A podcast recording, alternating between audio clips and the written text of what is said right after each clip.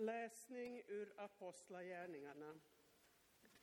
När Petrus var i Caesarea hos Cornelius tog han till orda. Ni känner till det som har skett i hela Judeen med början i Galileen efter det dop som Johannes predikade.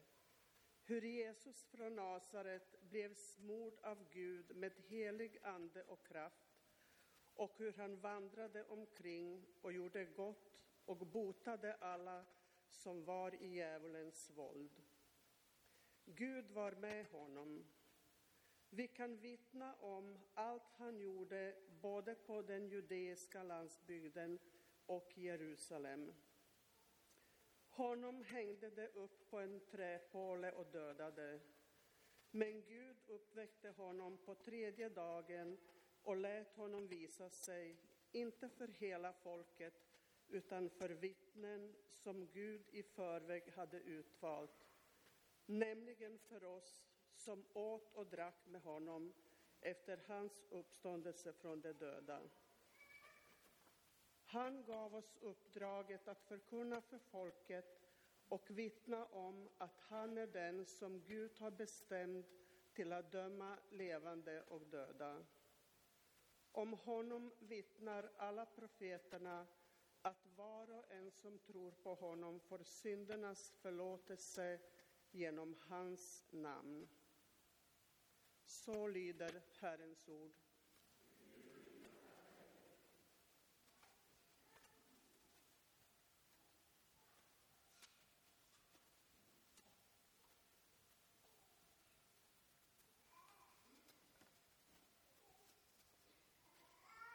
Detta är den dag som Herren har gjort. Halleluja, halleluja. Detta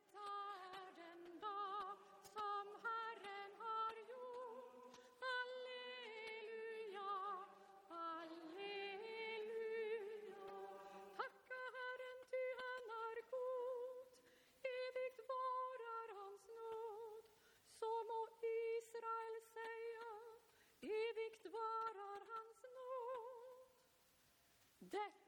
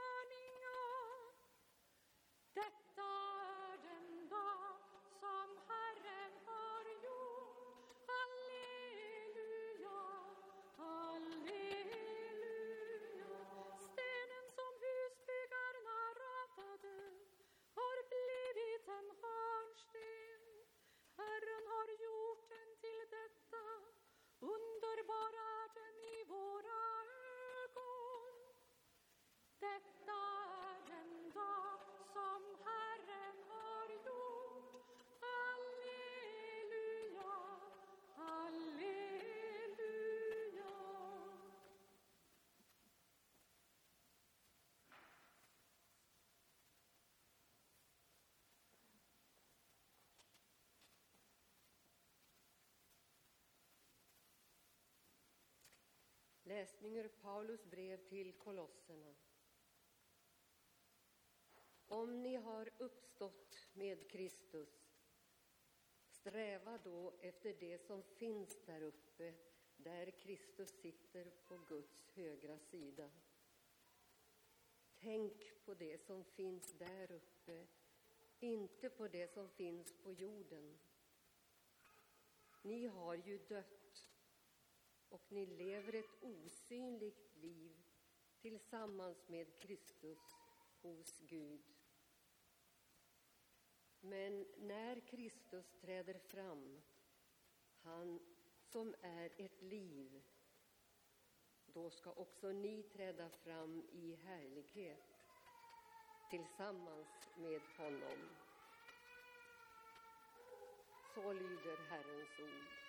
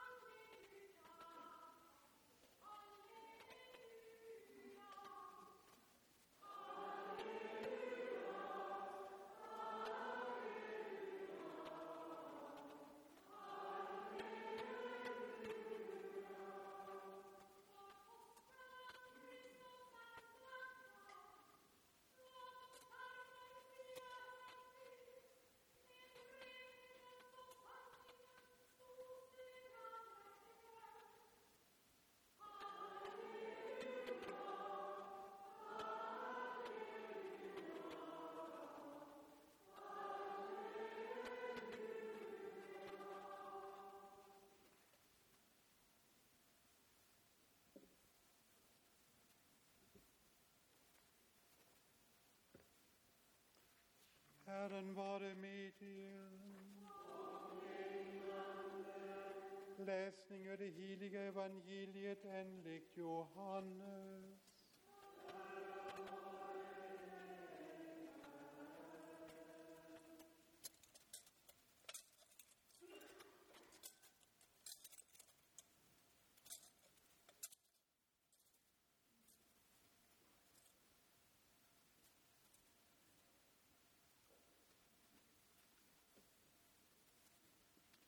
Tidigt på morgonen efter sabbaten, medan det ännu var mörkt, kom Maria från Magdala ut till graven och fick se att stenen för ingången var borta. Hon sprang genast därifrån och kom och sade till Simon Petrus och den andra lärjungen, den som Jesus älskade, det är flytt bort Herren ur graven och vi vet inte var de har lagt honom. Petrus och den andra lärjungen begav sig då ut till graven. De sprang båda två, men den andra lärjungen sprang fortare än Petrus och kom först fram till graven. Han lutade sig in och såg linnebindlarna ligga där, men gick inte in.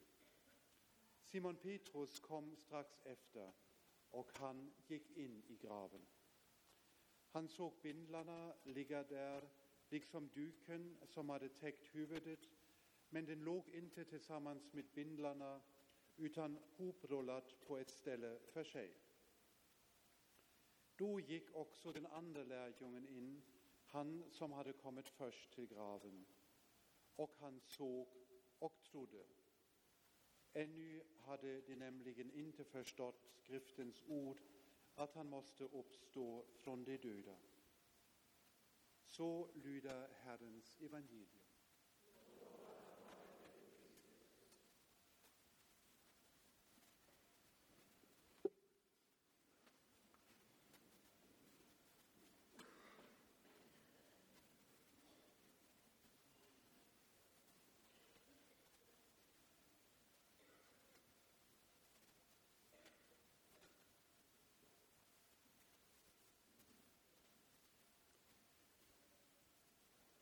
Tidigt på morgonen, medan det ännu var mörkt, kom Maria från Magdala till graven. När evangelisten Johannes ger oss sin berättelse, sin rapport om uppståndelsen, då är den full av kontraster. Å ena sidan har vi detta hoppfyllda en ny morgon, glada tiden just innan en ny dag börjar. Och å andra sidan är det graven som är mål för Maria från Magdalas vandring. Platsen där hela berättelsen nu om uppståndelsen kommer att äga rum. Och Johannes gör verkligen en poäng av att understryka graven som scen för sin berättelse om Jesu uppståndelse. Hela sex gånger använder han ordet graven i det ganska lilla avsnittet som vi just hörde. Och så understryker han att det är här i graven där erfarenheten av det nya livet görs, där den nya morgonen gryr, där den nya kunskapen om att döden är övervunnen tar form. Graven, ja det är födelseplatsen för uppståndelsens hemlighet. Och Johannes drar oss in i dynamik. Hur gravens, ja hur dödens mörker blir födelseplatsen till det nya eviga livet genom Jesu uppståndelse. Johannes riktar vår uppmärksamhet också till en annan, kanske lite märklig detalj. Linnebindlarna. Johannes upptäckte när han tittade in i graven att duken som hade täckt Jesu huvud låg inte tillsammans med bindlarna utan var ihoprullad på ett ställe för sig. Varför är detta så viktigt? Man har intrycket att Johannes går runt där ungefär som en polis skulle göra på en brottsplats och söka efter bevis efter indikationer vad som egentligen har hänt här. Varför gör Johannes en sådan poäng av dessa eh, tygbitar, dessa linnebindlar som ligger omkring? Det är viktigt eftersom någon hade här i graven skilt åt saker och skapat lite ordning. Tankarna går till skapelseberättelsen när Gud skiljer och skapar världen genom att skilja orsaker. Det mörka från det ljusa, vatten från land, fåglar i luften från fiskar i vattnet och så vidare. Gud skapar genom att ordna. Och Gud ordnar och vi får en liten antydan om den nya ordning som Gud börjar här i graven att skapa denna natt. Som skapelsen tar sin utgångspunkt ur intet så skapar Gud denna natt en helt ny värld i Jesu grav. Jesu uppståndelse är inte bara ett mirakel, även om det är det också. Men det är början på en ny skapelse. Och det är det som Johannes förstår när han med Petrus träder in i graven. Det som har skett under natten, det är lika omtumlande, lika storslagen och dramatiskt som Big Bang. Så som Gud gav upphov till en kosmos utifrån ingenting, så övervinner han nu dödens och förgänglighetens makt över den. Johannes och Petrus som konfronteras med spåren av denna Guds nya skapelseakt, ja, de såg och trodde. Det är det som Johannes påpekar. Sammanfattar deras reaktion med att de såg och trodde. I motsats till den första skapelsen som vi kan se, som vi kan uppleva, är den nya skapelsen bara synlig för den som tror. Men det innebär inte att den skulle vara mindre verklig. Den är inte mindre verklig än saker som vi kan röra vid, saker som på ett fysiskt sätt finns, tvärtom. Det som Johannes beskriver för oss, ja det är så överväldigande att varken våra sinnen eller vårt förnuft kan egentligen fatta det, kan inte röra vid det, kan inte förstå det och därför kommer vi bara in i den hemligheten genom tro. Vi kan så att säga bara anförtro oss åt uppståndelsen i tro och i hopp. Johannes berättar för oss om en ny dag som börjar, om ett nytt, nytt liv som spirar. Något radikalt nytt har börjat växa genom Jesu uppståndelse. Ett nytt avsnitt, en ny vecka i Guds skapelsens historia. Och vi är inbjudna att se allt detta som skedde som ett avslöjande av Guds härlighet som uppenbarar sig i Jesus Kristus i denna natt då dödens makter övervinnas. Lärjungarna är överväldigade, men deras spontana reaktion är att tro. Men längre fram, då kommer de också att se. Tron förblir inte sista ordet. De kommer väldigt snart att se Kristus. De kommer att se den uppståndne i själva verket överallt i sina liv. Och samma gäller för oss också idag. Visst ska vi tro på uppståndelsen och berättelsen om den otrogne Thomas som vi snart kommer att höra, höra de kommande söndagarna. Det är kanske en påminnelse om detta, att vi behöver tro. Men att tro är inte en abstrakt intellektuell akt, att hålla någonting för sant som vi inte begriper någonting av. Utan tron på den uppståndne, det är en pågående upptäcktsresa genom hela vårt liv. Vi kan se honom och vi kan känna igen den uppståndne Kristus var som helst i våra liv, så som lärjungarna också gjorde det. Vi kan möta honom i våra Galileen, i våra hem, på våra arbetsplatser, om vi bara söker honom med de troendes ögon. Vi kan allt djupare bli hemma i den nya skapelsen som började denna natt, i det eviga livet som har börjat när Kristus uppstod från de döda. Amen.